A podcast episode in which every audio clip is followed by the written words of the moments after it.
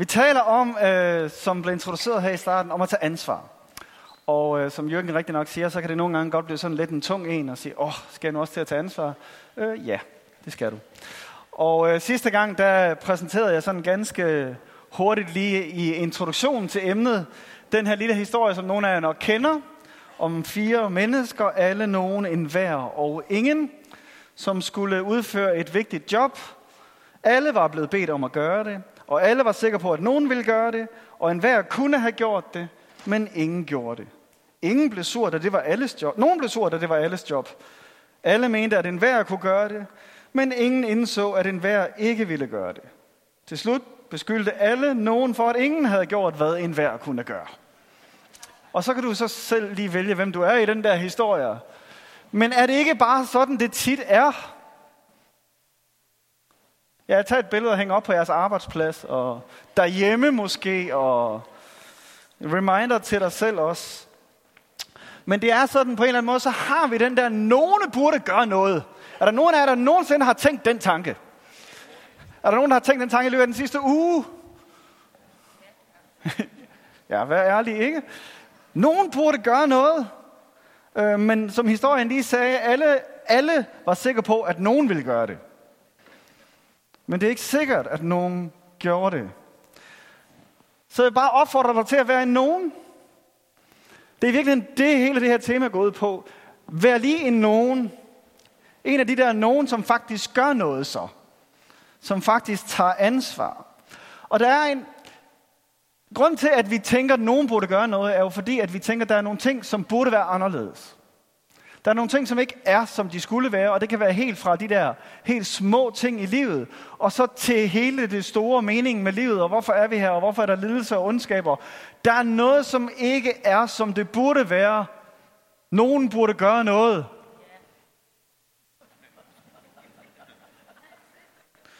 Og det er ikke, som det skal være. Og det er der, pilen så desværre kommer til at pege tilbage på os. Vi har et ansvar, faktisk.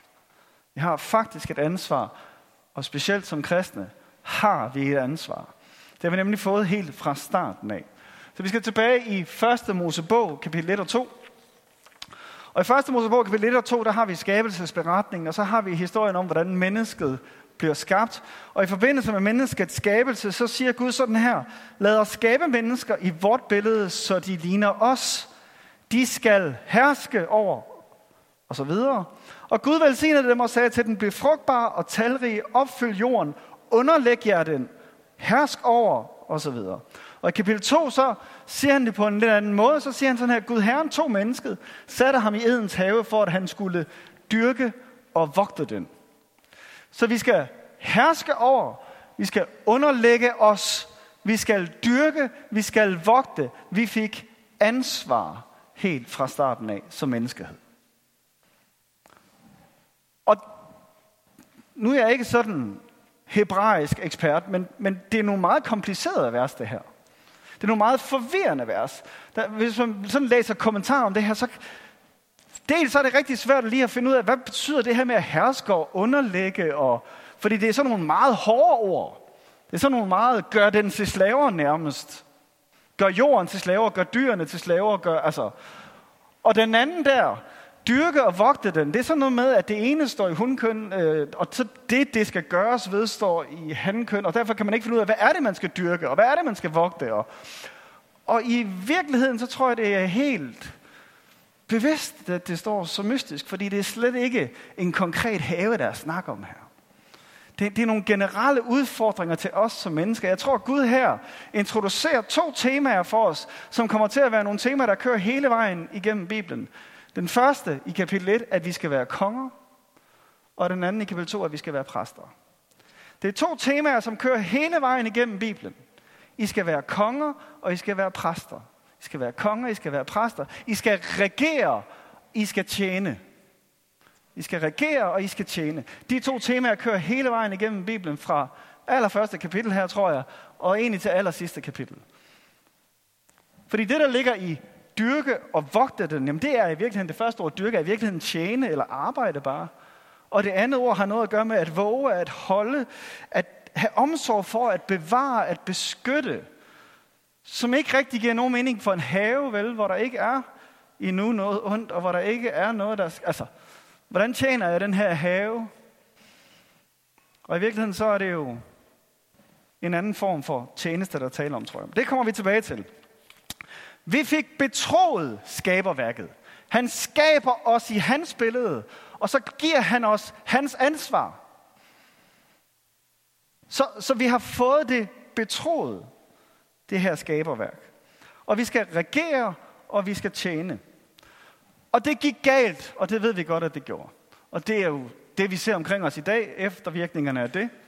Men Gud har jo er så ikke gået i gang med projekt genoprettelse siger, jeg vil gøre alt det her, som det var tiltænkt. Det bliver, som det var tiltænkt. Og jeg ved ikke, det kan godt være, at jeg kommer til at ødelægge nogle forestillinger i dag, men, men hvis du går og venter på at komme i himlen, så venter du forgæves. Fordi det er slet ikke det, Bibelen taler om, at vi skal i himlen. Bibelen taler om, at himlen kommer ned på jorden. Prøv at læse de sidste kapitler i Johannes åbenbaring. Det handler om, at det bliver genoprettet til det, det oprindelige var. Det vi lever i nu her, der kommer himlen ned. Guds sfære kommer herned. Det, det, det er ikke op, du skal ikke op og have englevinger og synge på en sky. Jeg tror i virkeligheden, så skal vi gøre meget af det, vi gør lige nu allerede. Regere og tjene. Og det kunne man sige rigtig, rigtig meget mere om. Hans rige består af retfærdighed, fred og glæde, siger Bibelen. Ikke? Retfærdighed, fred og glæde. Det er det, vi udbreder, det her rige om retfærdighed, fred og glæde. Og vi bliver velsignet. Gud velsignede dem. For at være en velsignelse. Vi har en opgave, vi har et ansvar, at vi skal være en velsignelse. Vi er ikke blevet velsignet for vores egen skyld. Du er ikke blevet konge for din egen skyld. Du er ikke blevet præst for din egen skyld. Du er blevet det med det formål at være en velsignelse. Med det formål at tjene. Med det formål at gøre en forskel.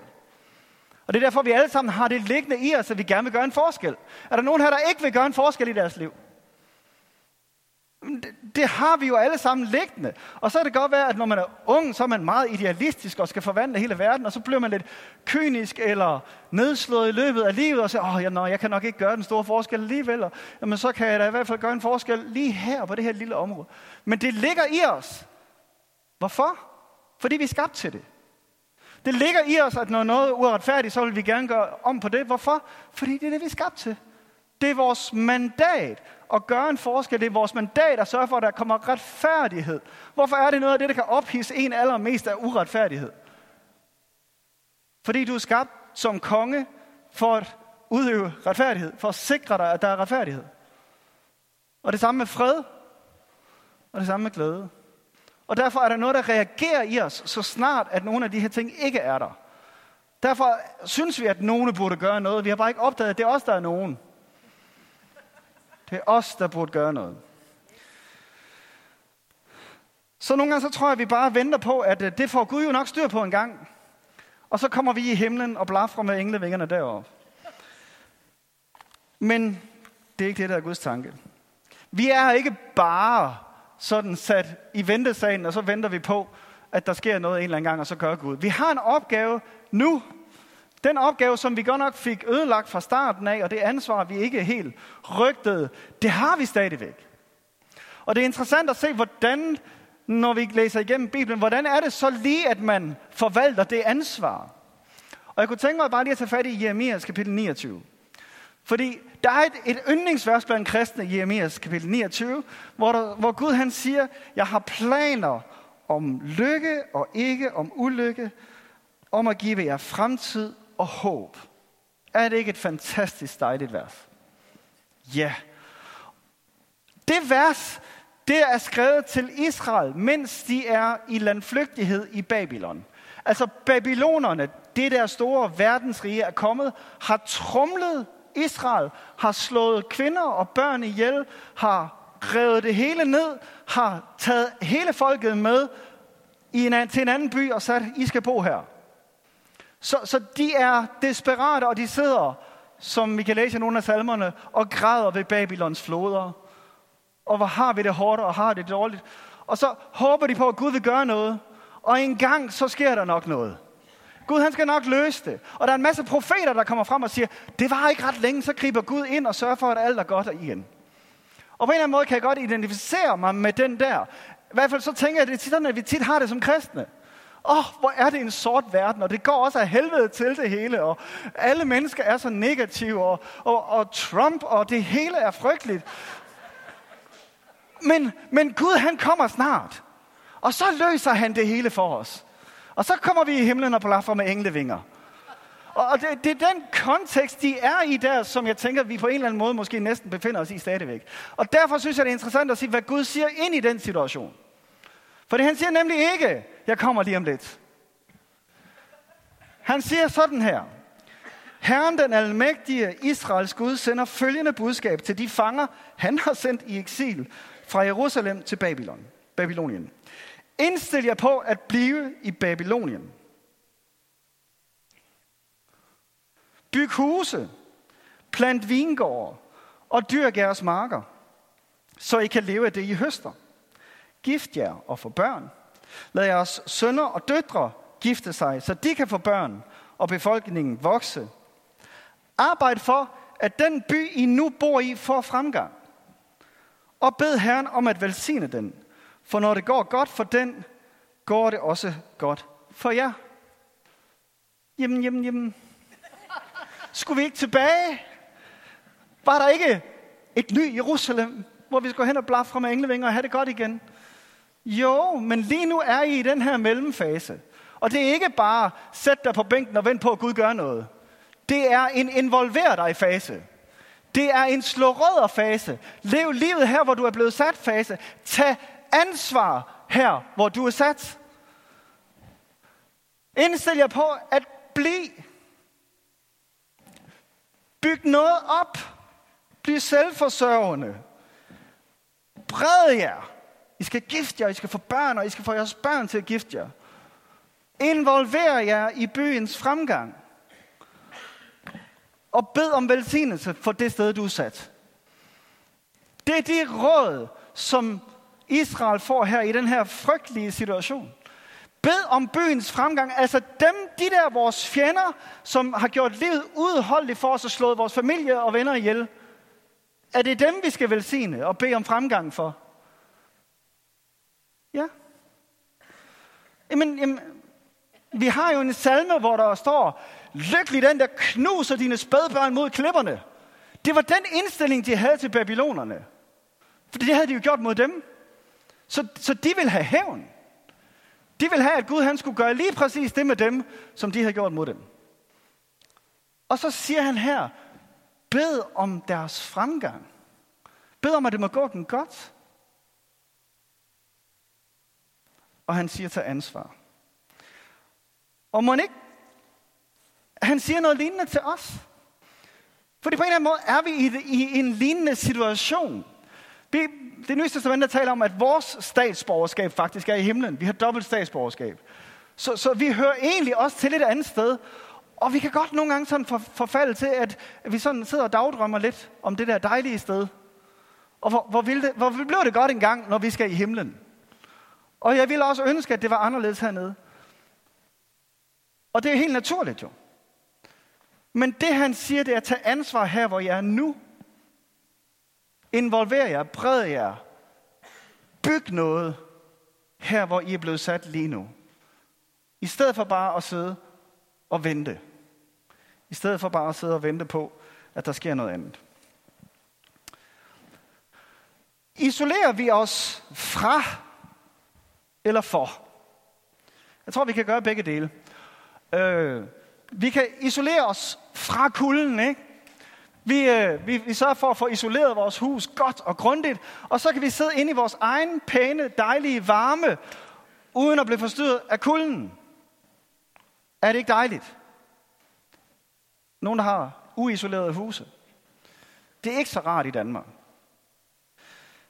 Men vi kan også isolere os for kulden. Og så gå ud i kulden. Og jeg tror, det er to måder at være kristne på. Vi kan isolere os selv som kristne og sige, nej, hvor har vi det godt og rart her, og vi beskytter os, og sørger for, at der ikke kommer noget kulde ind det her sted, så vi har det godt. Eller vi kan pakke os godt og varmt ind, og så kan vi gå ud i kulden, og møde de mennesker, der er ude i kulden, og gøre en forskel derude, og tage ansvar, og ikke bare sidde inde i varmen og vente på, at der sker et eller andet. I det ene tilfælde, der isolerer vi os fra at få kontakt med mennesker. I den anden, det andet tilfælde isolerer vi os for at få kontakt med mennesker. Jeg håber, I kan se forskellen. Jeg kunne tænke mig bare lige at bruge øh, nogle få øjeblikke på at tale om fire billeder, som Bibelen bruger på det at være kristne, og som også har noget med det her med at tage ansvar at gøre. Det allerførste billede, det er billedet af at være lys. Og jeg er sikker på, at de fleste af jer, som er vant til at læse Bibelen og kommer til Guds tjeneste, har hørt, at der Jesus siger på et tidspunkt til hans disciple, I er verdens lys. Og det er klart, et lys, det er jo sådan noget, der er synligt. Det er sådan noget, man kan se. Og et andet sted taler han om, hvordan man ikke gemmer sit lys væk under sengen eller i en spand, men stiller det frem, så alle kan se det. Så, så det indikerer på en eller anden måde et Whoops. Han skulle ikke komme endnu. Nå.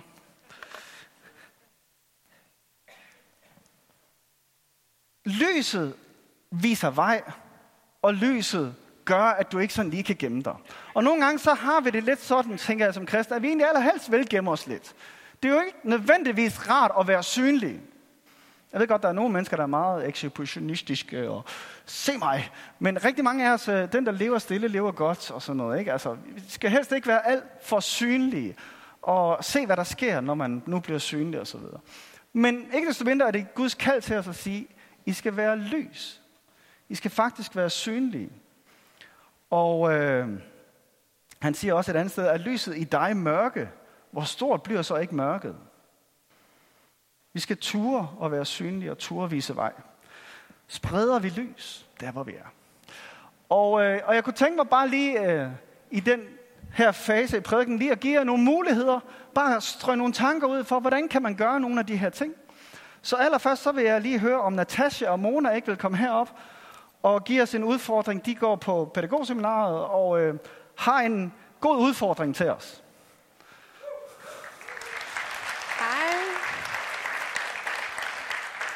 Jamen hej, vi går som sagt på pædagogseminariet, øhm, og vi er øh, en gruppe, som er i gang med at lave et projekt om sammenskabelse.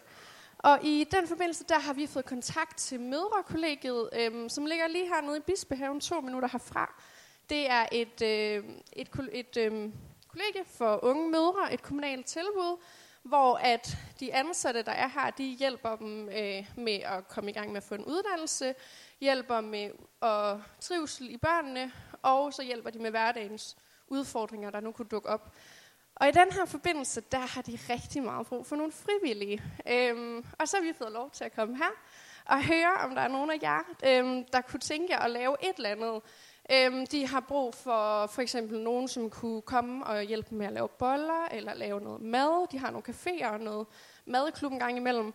Det kunne også være, at øh, de er ude på nogle ture, at der er nogen, der vil hjælpe med at planlægge og stå for de her ture, både øh, ud af huset og, og så videre. Og jo, pasning øh, af børn. Og det kunne faktisk også bare være helt almindelige samtaler, hvor at de hører lidt for jer, I hører lidt for dem, og de bare får lov til at snakke ud. Øh, som udgangspunkt, så vil det dreje sig om otte uger, hvor vi vil følge jer, og I vil sammen med os planlægge, hvad der skal foregå, hvad der kan ske i møderkollegiet. Og vælger man efterfølgende at fortsætte arbejdet, så vil man øh, koordinere det sammen med øh, to ansatte i, på stedet fra kommunen. Man skal tænke på det som øh, en gang om ugen, hvor man skulle have mulighed for at møde op på møderkollegiet. Kan man mere eller mindre, så det er også helt okay. Men ellers så vil vi stå ude ved tøjet og svare på spørgsmål, hvis der skulle være nogen. Og I skulle være velkommen. Yes, tusind tak for det.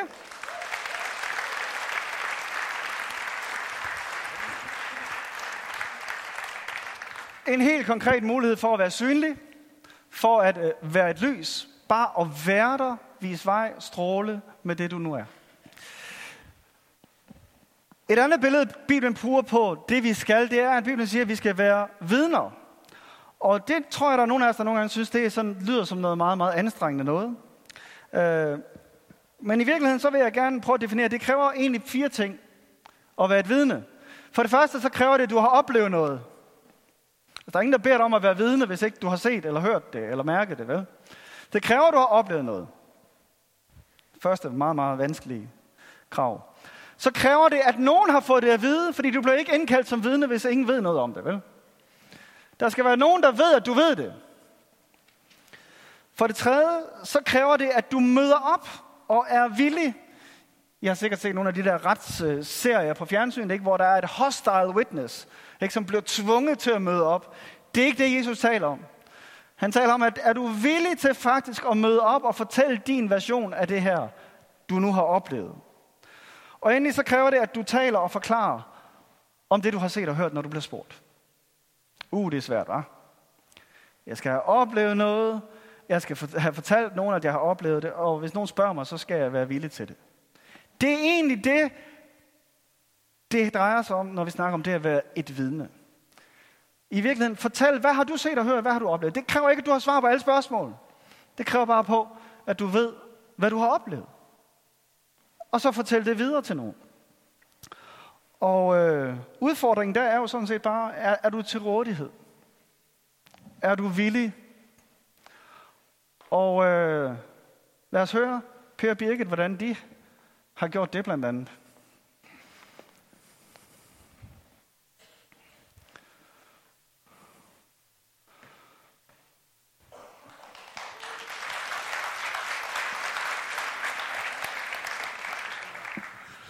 Er sådan, at i øh, Aarhus, der har Social- og Sundhedsskolen en øh, frivillig mentorordning.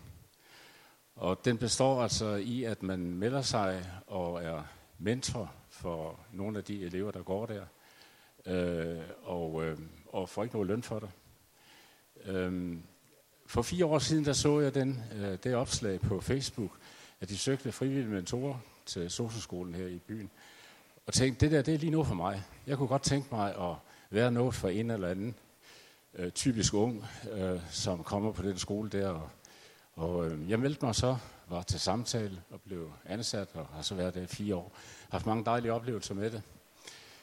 Øh, selve ordningen, den, øh, altså den, man kan sige næsten, at der er to former for mentorer på skolen. Der er dem, som øh, yder lektiehjælp. Der er mange, der kommer fra fra andre lande og har brug for det danske sprog øh, i små bidder. Og så er der dem, som vi ligesom tager os af, folk, der har ondt i livet på en eller anden måde. Og det, øh, det har vi så valgt at, at arbejde med. Og ja, endelig så var det mig, der startede, men nu er vi faktisk begge to på, og det er vi jo rigtig, rigtig glade for.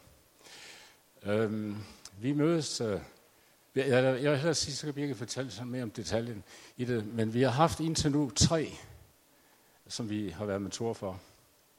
Og øh, ja, apropos det med at være vidne, vi, øh, vi er jo bare dem, vi er. Altså en del af os, en meget stor del, det er det, vi er kristne, og det lægger vi selvfølgelig ikke skjult på.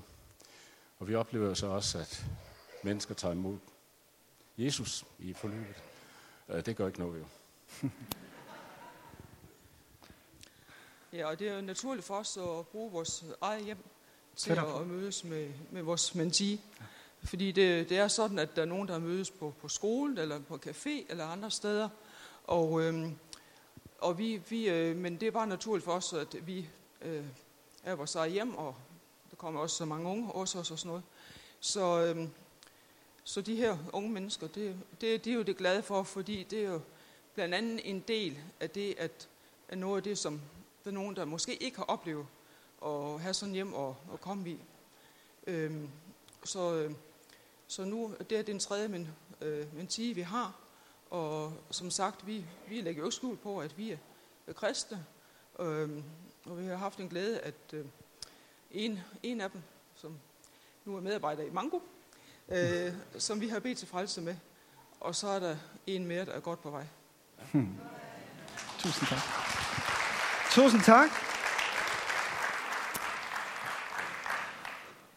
Hvis det kunne være interessant at være mentor for en ung på en uddannelse, så tag lige fat i Per Birgit og hør, hvad skal der til? Øh, og, og det er ikke andet end at være et lys og et vidne for nogen. Den tredje ting, Bibelen taler om, det er, at Bibelen taler om, at vi er salt. Og salt har jo rigtig mange egenskaber. Øh, Jesus siger til hans disciple igen, I er jordens salt. Og salt har jo selvfølgelig, og havde den på det tidspunkt, den her egenskab at, at modvirke forrødelse. Men salt har jo også den fantastiske egenskab, at den giver smag til maden. Er det ikke rigtigt? I ved godt, hvordan mad smager, når der ikke er salt i, ikke? Øh. Det, det, der, der er bare ligesom ikke noget der så. Og ved du hvad, sådan er der mange mennesker, der lever livet. Hvor, hvor, hvor deres liv bare er som at stikke tungen ud af munden. Uh. Uden smag, uden skarphed, uden nuancer, uden... Fordi vi er skabt til fællesskabet med Gud. Og det skulle gerne være sådan, at når de møder os, så, så mærker de en lille smule af, hvordan livet burde smage. Og faktisk så burde det være sådan, at du er så salt, at du gør folk tørstige omkring dig. Vil det ikke være dejligt? Og nogle gange så tænker jeg, det kan vi da ikke. Og, og hvordan i verden skal, og det er også et stort pres at lægge på mig, at jeg virkelig skal give livets smag, ikke? Men prøv, hvor lidt salt skal der ikke til en portion mad for at give det smag? Der skal så lidt til, og derfor er det fantastisk, det er det billede, Jesus bruger. Bare en lille smule salt. Sådan lige vise, hvordan skal det her i virkeligheden smage. Lige modvirke lidt forrådelse, lige give lidt tørst. Jeg tror, det er det, vi er kaldet til. At vise mennesker, hvordan kan livet også leves. Hvordan kan det leves, når vi er i kontakt med ham, som har skabt os.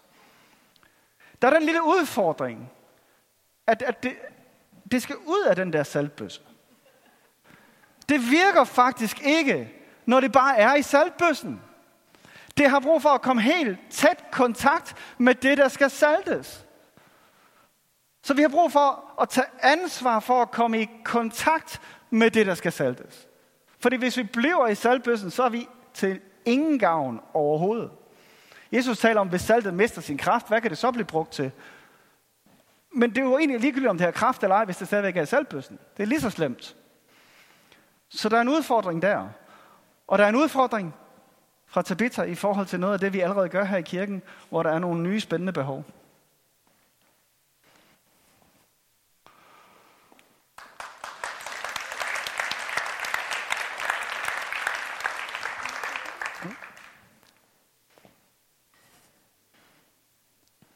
Vi i familienetværket er i kontakt med 90 udsatte familier nu.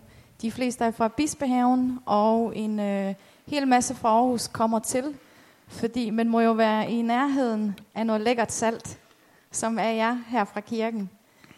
Øhm, vi har 20 nye familier, vi har snakket med ved julehjælpsfesten ved Frelsens her, som gerne vil starte. Og her kommer der en personlig historie, som hedder, Hvem vil give Anne Mone et knus? Jeg hedder Anne Mone, og jeg er 34 år gammel. Min datter er 5 år.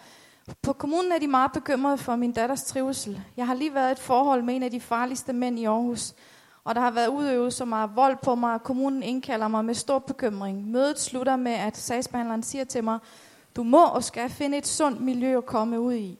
Undersøg muligheder i dit netværk. Min veninde samler mig op lige efter mødet og siger, at hun vil tage mig med hen et sted, der hedder familienetværket. Det foregår i en kirke, og hun mener, det vil være godt og sundt for mig. Men hvem vil omgås mig, når jeg er tatoveret over det meste af min krop?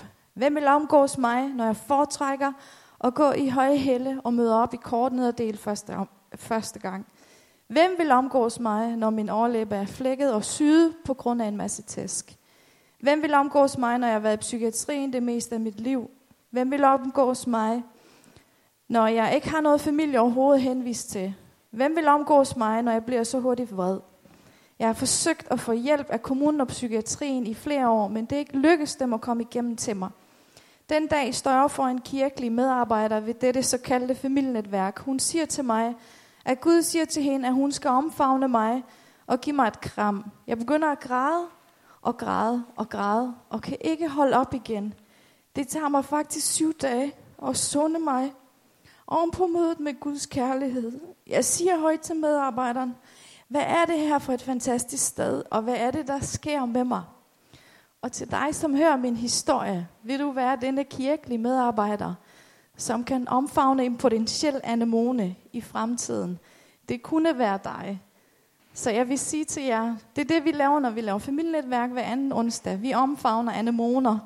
Nogle gør det ved at lege med børn, og nogle gør det ved at tørre tår på nogen, og nogle gør det ved at give et barn high five ved døren. Og nogle gør det ved at give en opmundring til en mor, der ikke har madpakker og give hendes børn med i skolen, måske om mandagen. Det finder man hurtigt ud af, fordi man kommer i snak med de her mennesker. Så vi laver oplevelser for at tiltrække de her mennesker til hver en onsdag. Vi bygger relationer med dem, for at de får lyst til at blive ved med at komme, og så er det Guds kraft, der kommer og forvandler dem, og gør, at anemoner de blomstrer og bliver til store, stærke træer, som tager andre anemoner med, og, som, og det, det er det, folk siger, når de har været til familienetværk nogle få omgange, at de får lyst til at give kærligheden videre. Og det gør børnene også. Er det ikke fantastisk? De her udsatte børn, som bare bliver gode til at tage sig andre nye, der kommer til. Så vi har brug for jer. Vi har brug for jer til at være med, til at række med ud. Øh, vi holder en infomøde nu her efter den her gudstjeneste, og den foregår klokken 1 her i lille salen, hvor der vil være noget let. Jeg håber, der er kirkefrokost. Er der det? Det håber jeg. Ellers så har vi noget, noget lækkert, men det bliver ikke den store mad. Men I kan være med til at få lov til at høre, hvordan I kan være salt for vores naboer og for vores by med et koncept, der rykker fantastisk. Øh, og der vil være en infomøde næste søndag kl. 1 også. Fordi det her, det kommer til at vokse og vokse og vokse. Altså det er vækkelse. Vi spiser med mennesker, vi elsker dem. Hen, vi deler Guds ord, vi viser dem kærlighed i praksis. Øhm, og vi ser Gud bare, han gør sit værk. Så du kan være med og elske mennesker hen i, ind i Guds familie. Man kan være øh, på børn, man kan være på unge, man kan tale med de voksne, man kan lave mad, man kan hjælpe med praktisk. Der er mange muligheder. Og så har vi en Facebook-side, der... Øh, nu må I gerne gå på Facebook. Der er en Facebook-side, der hedder Praktisk Hjælp Citykirken, Praktisk Hjælp og Omsorg. Hvis mænd ikke har mulighed at møde op til familienetværk, men gerne vil hjælpe nogen praktisk øh, med tøj til deres børn, eller køre ud med nogen, til nogen, der har fem børn, og ligger syge, og de ikke kan komme ud af sengen, når man gerne vil være Jesu hænder og fødder på den måde. Så kommer der nogle behov råbt op der. Men jeg håber, jeg ser rigtig mange her klokken 1 ind i en lille sal, og ellers så kommer der et telefonnummer. Kommer der et telefonnummer op, måske? Det er der. Nå, fantastisk. Øh, hvis det er, at I ikke har mulighed at komme til informødet, men gerne vil tjene med og hjælpe med, så send en sms. Jeg vil gerne hjælpe. Og hvis du ved præcis, hvad det er, så skriv det, eller så bare send en sms, så finder vi ud af resten. Tak, at I vil være med til at tjene byen med Guds kærlighed. Tusind tak.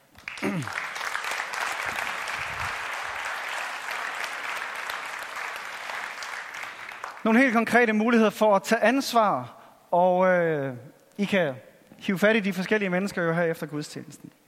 Den fjerde, det fjerde billede, Bibelen bruger på øh, os som kristne, det er det her med, at vi er konger. Og, øh, og det kan man godt sige, hvad har det egentlig lige med det at gøre? Men husk nu, at hemmeligheden var, at vi skulle regere og tjene. Og hemmeligheden er i virkeligheden, at vi skal regere ved at tjene. Hemmeligheden er, at vi skal regere ved at tjene. Fordi hvad er det at tjene? Prøv, prøv at tænke lidt på, hvordan vi bruger ordet på dansk. Vi taler om, at man er i militærtjeneste. Vi taler om, at der er nogen, der er tjenestemænd. Vi taler om, at man, man er i byens tjeneste eller i landets tjeneste. Vores øh, ministre hedder ministre, ministers, tjenere. Så, så det betyder i virkeligheden bare, at vi arbejder for en anden. At tjene betyder, at du arbejder for en anden. Og det er i virkeligheden det, som vi er kaldet til. At arbejde for en anden. Og i første omgang, så arbejder vi for en anden, fordi, og han hedder Gud. Men det, som er hele hemmeligheden, er, at alt, hvad vi gør for en af disse mine mindste, det har I gjort mod mig. Vi har fået betroet noget, også vores egne talenter, evner og gaver, alt hvad vi har fået. Og ideen er, at det tjener vi andre med. Det er den måde, vi regerer på. Det er den måde, vi udøver Guds herredømme og får Guds rige til at blive større på. Det er ved at bruge alt det, han har givet os, til at tjene andre mennesker med. Hvad end I gør, gør det af hjertet som for Herren. Hvad end I gør, gør det af hjertet som for Herren. Uanset hvor du tjener et andet menneske, så er det Gud, du tjener. Så er det Guds tjeneste. Der, hvor du sætter dine betroede ting i spil og gør noget for et andet menneske, der hvor du tager ansvar, så er det Guds tjeneste. Det er i virkeligheden det, som er hele budskabet her. Så vi har et ansvar for at være synlige, vi har et ansvar for at være villige, vi har et ansvar for at være i nærkontakt. Og vi har et ansvar for at tjene. Og jeg kunne tænke mig bare at slutte af med lige at tage nogle vers her fra Romerbrevet, kapitel 12, fordi lige pludselig gik det op for mig, hvordan hele den her tråd er rigtig tydelig her. Fordi, og I ved godt, de der kapitel- og versinddelinger, som vi har i Bibelen, ikke er oprindelige. Og øh, jeg vil måske våge at påstå, at det sidste vers i kapitel 11 i Romerbrevet burde høre til det, der står i kapitel 12. For prøv at se her, hvordan det står. Han siger i slutningen af kapitel 11, i Gud har alt sin begyndelse, sin eksistens og sin fuldendelse. Ham tilhører æren til evig tid. Amen. Så alt har sin eksistens i Gud. Alt udspringer af Gud. Og så siger han, kære venner, I har oplevet Guds nåde. Den autoriserede oversættelse siger, så bring derfor. Derfor beder jeg jer indtrængende om at give jer selv til ham som et levende offergave. Det glæder Gud, og det er den åndelige måde at tjene ham på. Altså, alt kommer fra Gud, når I giver jer selv, når I tjener, så tjener I Gud. Det I gør med jeres krop, I skal, den hverdag autoriseret siger, I skal bringe jeres læmer som et levende Gud velbehageligt offer. Altså, det du er, det du gør, når du gør det, så er det Guds tjeneste. Det glæder Gud, det er den åndelige måde at tjene ham på. Og så fortsætter han, jeres liv skal ikke styres af verdens tankegang. Lad i stedet Guds ånd forvandle jeres tanker og vaner, så I kan glæde ham ved at leve efter hans vilje som gode og modne kristne. På grundlag af den nåde, som Gud har givet mig til at tjene ham, siger jeg til enhver af jer, har ikke højere tanker om jer selv, end hvad der er rimeligt, men bedøm jer selv ud fra, hvor stor en tro Gud har givet hver enkelt af jer. Ligesom et læme består af mange dele, og hver del har sin særlige funktion, sådan udgør alle vi, som tilhører Kristus, et læme. Vi hører sammen i en enhed, og vi er hver for sig dele af det samme læme. Gud har i sin nåde givet os forskellige gaver, så vi kan hjælpe hinanden. De, der har profetisk gave, skal bruge den i forhold til den tro, de har fået. De, der har gaver til at yde praktisk hjælp, skal gøre det med tjenersind. De, der har gaver til at undervise, bør tage sig af undervisningen. De, der har gaver til at opmuntre andre, skal gøre det. De, der har en givertjeneste, bør give uden bagtanke. De, der har en ledertjeneste, bør lede med omhu. De, der har en barmhjertighedstjeneste, bør lede med glæde. Du har ansvar for at tjene med de gaver, du har fået betroet. Du har ansvar for at tjene med de gaver, du har fået betroet. Du har fået noget, som du skal springe i spil, og det er din gudstjeneste.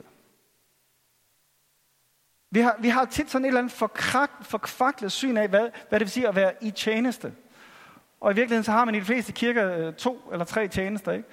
Man kan være præst, og man kan være lovsanger, og nogle gange kan man være evangelist eller et eller andet. Altså,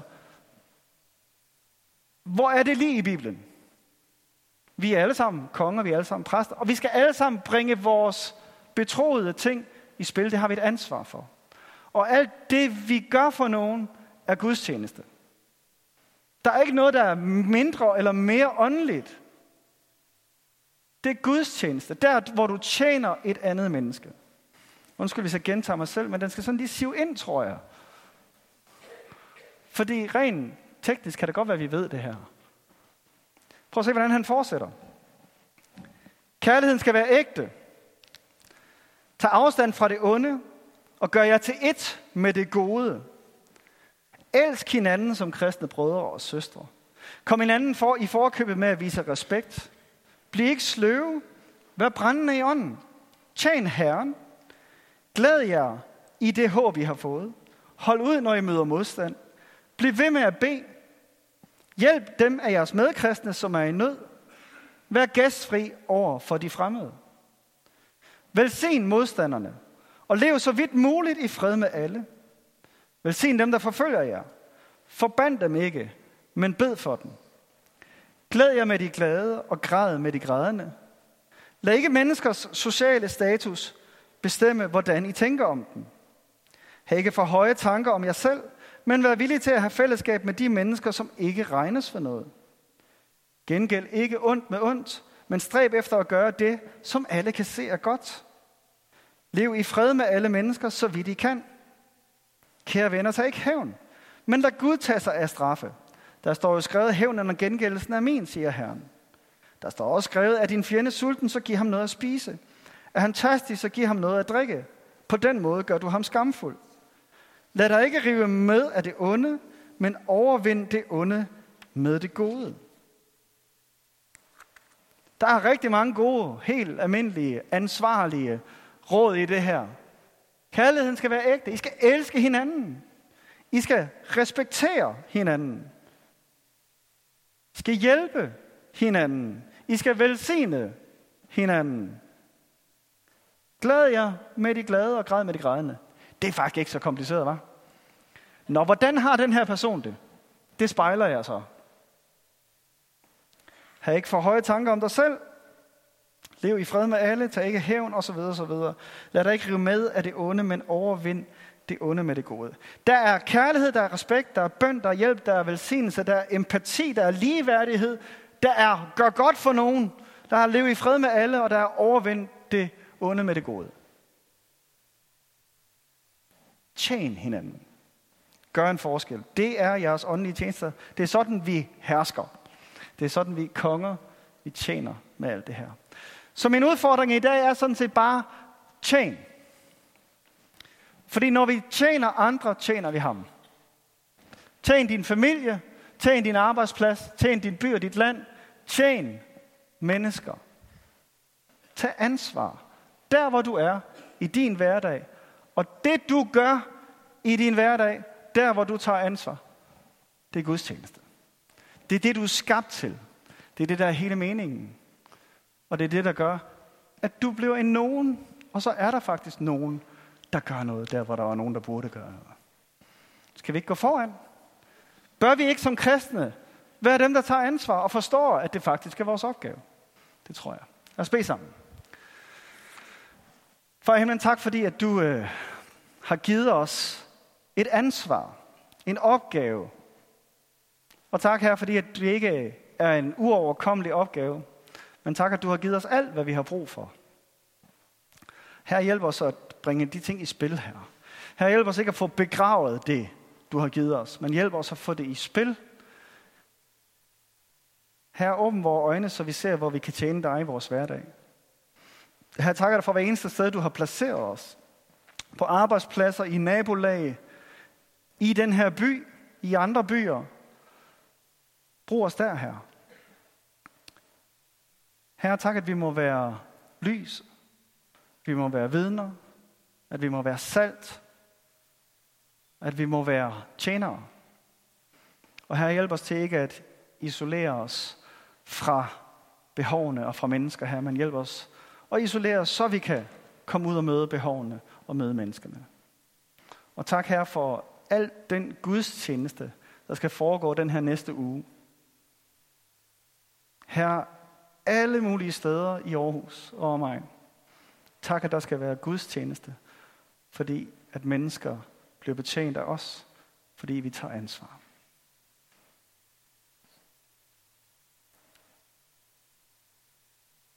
Her beder om, at du øh, forsejler de ord, der er talt. Her tak, at du også filtrerer her, sådan så at lige præcis den udfordring, som var til mig i dag, den får lov til at øh, hænge ved. Og her tak, at du øh, går med os, også efter den her gudstjeneste. Velsign hver eneste, som er her, uanset hvor vi er i vores vandring med dig. Og tak for det, du vil med os, og det, du har til os, også som det næste skridt her. Vi overgiver os til dig her. Tak, at vi kan være dine tjenere, og tak, at vi kan gøre en forskel. Amen. Amen.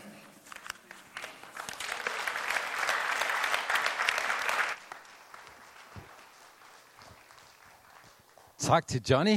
Fantastisk tale. Udfordrende. Og det er godt at tænke lidt over og reflektere over, hvordan er vi egentlig kristne i hverdagen og tjener Gud. Godt gået. Og så er jeg rigtig glad for personligt, at han har aflevet det med englevinger. Det har ligget op på sinde længe. Vi får aldrig nogensinde englevinger. Godt. Øhm. Inden vi slutter gudstjenesten med en sang, så vil jeg lige nævne tre ting. Det ene er, hvis du har behov for en samtale, så er der nogen, der er klar til at snakke med dig her i øh, det bagerste af lokalen i Lillesalen. Hvis du har brug for en, der beder med dig, så er de til højre siden. Øh, det, er, det er du velkommen til. Det, nogle gange er det godt at have en anden en at bede med eller snakke med. Rigtig hjertelig velkommen til det, lige efter gudstjenesten. Så vil jeg annoncere på den torsdag, nej, onsdag den 23. Kl. 17.30 har vi vores pulsaften. Det er en aften, som er modrettet mod ledere og medarbejdere, men alle er velkommen. Også hvis du ikke er medlem af kirken, hvis du er interesseret i, hvad der foregår i kirken, og de ting, vi har planer om, og hvad der skal ske. Det er sådan en aften, hvor vi snakker om vores visioner og vores værdier. Og vi starter altid med at spise klokken 17.30. Rigtig hjertelig velkommen til det. Det er bare vigtigt, at du melder dig til, uh, enten på Facebook eller via en mail til kontor Uh, det næste, jeg vil annoncere, det er vores join-kursus. Lørdag den 26. fra kl. 9 til 14 er præsterne til stede igen, og vi holder sådan et kursus om, hvad er vi egentlig for en størrelse som kirke. Øh, hvor kommer vi fra? Hvad er vores værdier? Og der får du så en hurtig overblik på de der 4-5 timer, hvad det nu er, hvem vi er. Og der er masser af plads til spørgsmål. Vi starter altid med lidt morgenmad og spiser frokost sammen. Og det plejer at være sådan mellem 10 og 20 mennesker. Og der er et rigtig det er et rigtig godt miljø til at øh, stille nogle spørgsmål. Hvad er det egentlig for en kirke? Det kan være, at du har været her længe. Det kan være, at du er helt ny. Hvis du gerne vil vide noget om os, hvad vi laver, så rigtig hjertelig velkommen den 26.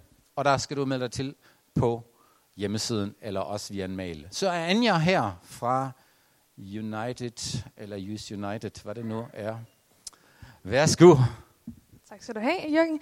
Øh, det hedder United Youth, så bare lige for at vi får den afklaret. Det hedder ikke Youth United, øhm, som nogen kalder det.